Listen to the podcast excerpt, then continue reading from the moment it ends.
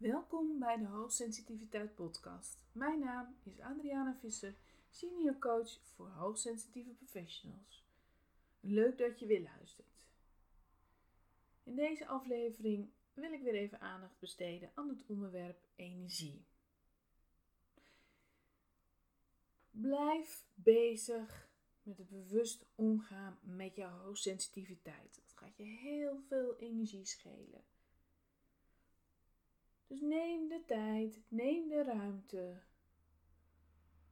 om alles wat je opmerkt, en dat is veel meer dus dan een ander, je ziet meer, je hoort meer, je voelt meer, denkt zelfs meer. En dan moet je allemaal diep gaan verwerken. Daar is tijd voor nodig. Daar is ruimte voor nodig. Daar valt en staat het mee. Blijf daar constant bewust van. Blijf daar actief mee bezig. Het gaat niet vanzelf. Besef elke dag weer, ik moet nu die tijd en ruimte pakken. Want ik moet het allemaal verwerken. En dat kan ook heel positief zijn, want vaak is het van ja, dan moet ik daar weer tijd voor nemen. En dat hebben andere mensen ook niet. Ja, maar er komen ook heel vaak goede ideeën uit voort. Of je kunt juist het moment nemen om ergens extra van te genieten. Dus neem de tijd, neem de ruimte. Vervolgens kun je alles een plek geven. Kun je ontspannen. Kun je loslaten. En dan weer opladen. Constant weer dezelfde cyclus. Noodzakelijk. Als je dat blijft doen. Als je daar aandacht voor hebt, dan blijft je energiepeil hoger. Daarnaast moet je natuurlijk, net zoals iedereen, ook letten op je fysieke energie. Zelfs in omstandigheden waarin je heel moe wordt of waarin je misschien zelf minder gezond bent, kan dat nog verschil maken. Als je al in een situatie zit dat je weinig energie hebt en je gaat ook nog allerlei dingen doen die je te weinig energie geven of te veel energie kosten, dan wordt het nog moeilijker. Dus hoe het dan met jouw gezondheid gesteld is, hoe de situatie momenteel ook is. Bekende verhaal, denk om je voeding, drink genoeg. Ga naar buiten, ga die natuur in. Ga creatief bezig.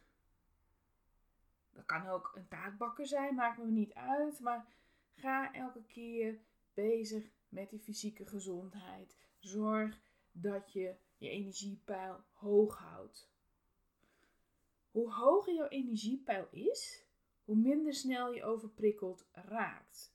En als je dan dus vervolgens ook nog weer rekening houdt met dat jij alles diepgaand verwerkt, dan hou je dat energiepeil dus nog hoger. Dus hou je fysieke energie hoog, houd rekening met je hoogsensitieve kenmerken en besef ook heel goed dat echt alles bij jou binnenkomt.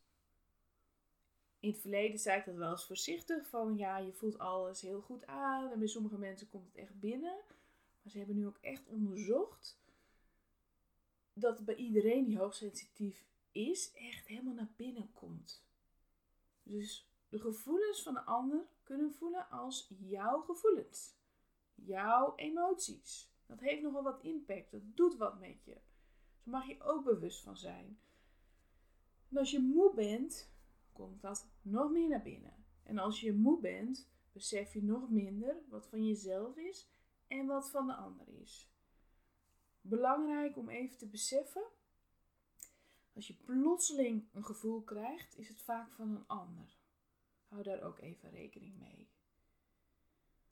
Dat kost ook weer allemaal energie. Alles wat je voelt van een ander en je afvragend: wat is van mij, wat is van jou? Verder speelt ook nog mee dat er dingen zijn die je energie geven en energie kosten. Dus heb dat voor jezelf helder. Wat kost mij energie? Wat geeft mij energie?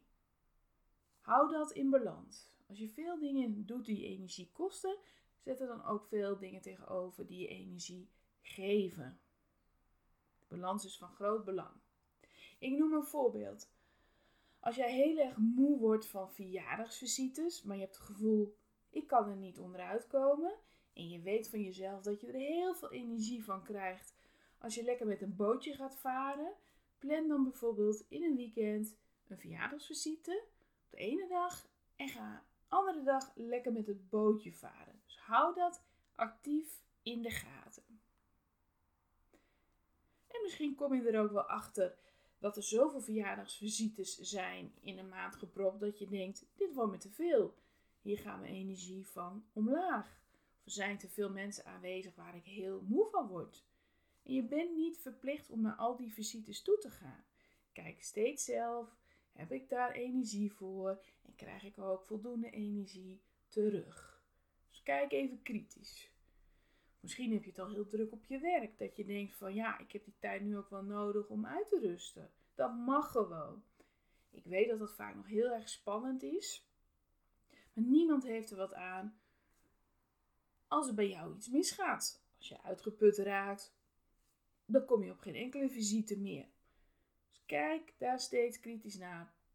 Heb ik daar op dit moment de puff voor? En ik vind persoonlijk ook altijd, ja, het er energie van terugkrijgen is ook belangrijk. En daarmee is het ook belangrijk om te beseffen dat er gewoon mensen zijn waar je op leeg loopt. Ga maar eens voor jezelf na. Ja, het komt al binnen van die ander. En dan zijn er ook nog mensen, daar ben je dan geweest. En dan kom je thuis en dan denk je, ah, ik ben back en back af. Ik voel me ronduit gesloopt. En maar klagen. En maar zichzelf als slachtoffer opstellen. En ga maar door en maar door en maar door. Wees ook kritisch met wie je omgaat. En ik zeg niet dat je meteen met al je vriendschappen moet stoppen. Maar als je al weinig energie hebt, wees dan kritisch die persoon zuigt me altijd leeg. Dus moet ik nu even niet naartoe. Energiepeil hoog houden is het allerbelangrijkste. Dus voel voor jezelf. Is dit nu het juiste moment? Moet ik dit nu doen? Dus kijk steeds. Wat kost me energie? Wat geeft me energie? Dan wil ik nog een belangrijk punt met je delen. Doordat je meer opmerkt, heb je ook het idee dat je vaker moet ingrijpen, je ergens mee wilt bemoeien. Bijvoorbeeld op je werk denk je, nou, als ik dit zo hoor, als ik nu niet ingrijp, dan gaat het hartstikke mis. En dat gaat ons heel veel tijd, moeite, geld, energie kosten. Maar misschien heb je jezelf juist voorgenomen van nee, ik moet wat meer terughoudend zijn, want iedereen rekent er ook altijd op dat ik het wel oplos. Of je hebt bijvoorbeeld het advies gekregen van een arts van ja, je moet echt je op jezelf focussen en andere mensen moet je laten. Of je hebt het van je coach gehoord. Dan denk je bij jezelf van ja, er gaat hier echt wel wat mis, maar ja, ik mag niet ingrijpen. En dan zit je maar aan te denken en aan te denken. En dat kost je ook bakken met energie. Dus ik zeg altijd, je mag ook de afweging maken. Wat kost mij minder energie? Kost het mij minder energie dit te negeren? Dan gaat het maar helemaal mis. Jammer dan. Want ik heb hier dus echt niet de energie voor. Ze zoeken het zelf maar uit. Of kost het je zoveel energie om je tong af te bijten, jezelf in te houden, en kun je maar beter er wel wat van zeggen, omdat je weet dat het uiteindelijk toch op jouw bord terechtkomt. Of dat er grote problemen ontstaan op je werk waar jij ook last van hebt. Dus er wordt heel makkelijk altijd gezegd van nee, allemaal niet meer doen. Maar je wordt niet ineens anders. Je wordt geen ander persoon. Je bent wie je bent.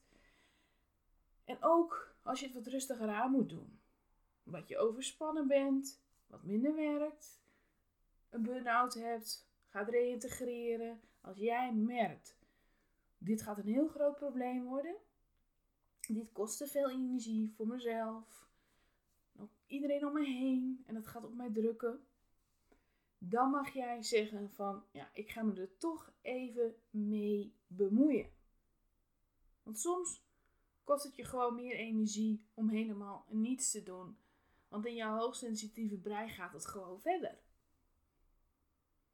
Jij gaat daarover nadenken. Jij gaat er voorbeelden bij halen van ja, de vorige keer toen niemand ingreep, heeft het ons een half jaar gekost om alles weer recht te trekken. Of je ziet je collega en je denkt bij jezelf, ja, als je haar laat, dan maakt ze hele grote fouten. En dat gaat veel geld kosten. En nogmaals, je bent absoluut niet verantwoordelijk voor je collega's. Je bent niet verantwoordelijk voor het hele bedrijf. Maar als jij merkt, als ik er nu niets aan doe, hier ga ik nog tijden last van hebben. Hier loop ik op leeg. Dan mag je best ingrijpen. Kijk altijd eerst ook even of je het ander nog wat sturing kunt geven. Wat feedback misschien. Als dat echt niet lukt, ja, dan mag je wat meer directief worden, wat meer sturend. En wat het juiste moment is, waar die grens ligt, dat is vaak lastig te bepalen. Dus ik merk ook vaak in de sessies die ik heb, dat mij vaak gevraagd wordt van, nou, dit was de situatie, hoe denk jij daarover? Hoe had ik dat aan kunnen pakken? Hoe kan ik dat de volgende keer doen? De wijze waarop ik daarover gecommuniceerd heb, is niet goed ontvangen. We hebben nogal eens de neiging om vrij duidelijk te zeggen waar het op staat, omdat wij dat heel helder zien. En misschien kleed jij dat allemaal heel voorzichtig in, maar omdat jij het allemaal al hebt opgemerkt en de ander nog niet, kan dat soms als een flinke verrassing komen. De ander kan daar van schrikken. Denken van wat heb ik nou? Dus daarin ook weer mag je zoeken naar een communicatiestijl die goed bij anderen overkomt. En ik weet dat het soms heel oneerlijk klinkt, alsof het allemaal aan jou ligt. Daar heb ik ook al een aantal afleveringen over opgenomen. Maar jouw brein werkt anders, jouw systeem werkt anders. Dus het gaat er vooral ook om hoe kan ik mezelf handhaven? Hoe kan ik mezelf stevig neerzetten, mijn ruimte innemen? Op een ontspannen, zelfverzekerde manier. Dat is iets wat zoeken is, wat proberen is.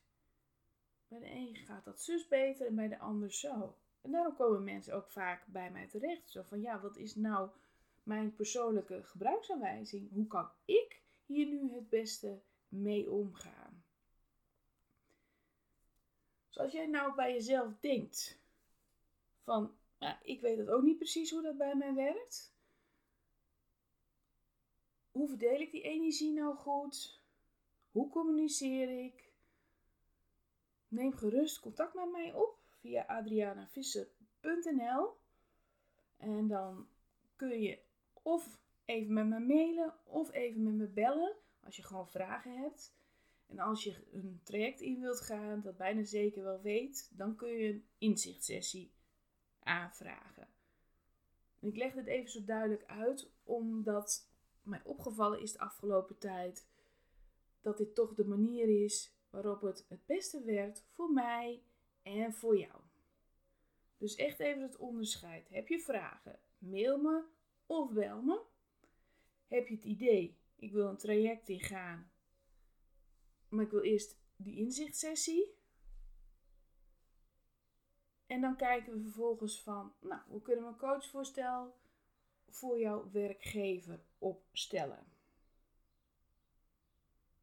Dus op die manier ga ik er voortaan mee verder. Ik weet dat ik een tijdje geleden het anders heb gezegd, maar het viel me op dat dat niet goed werkte. Het werkte niet goed voor mij, het werkte niet goed voor een ander. Dus dit is de meest handige manier om dit te regelen, om met elkaar te communiceren. Verder heb ik je nog iets leuks te vertellen. Een tijdje geleden kwam ik erachter dat de podcast al meer dan 50.000 keer beluisterd is. Dus ontzettend bedankt dat jullie zo geïnteresseerd luisteren, dat jullie mij volgen. En ik krijg ook heel vaak positieve reviews, daar ben ik ook heel dankbaar voor. vind ik niet vanzelfsprekend. En dat wil ik binnenkort ook vieren met een feestelijke actie. Ik uh, kom daar binnenkort even op terug. Dan heb ik ook een link voor je. Dan kun je alles bekijken.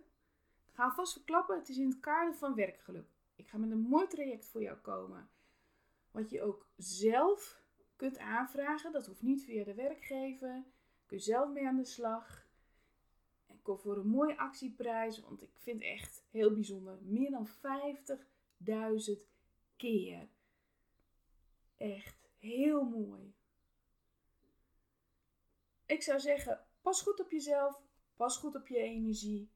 En je weet me te vinden als er vragen zijn. Als je een traject wilt. En tot de volgende keer.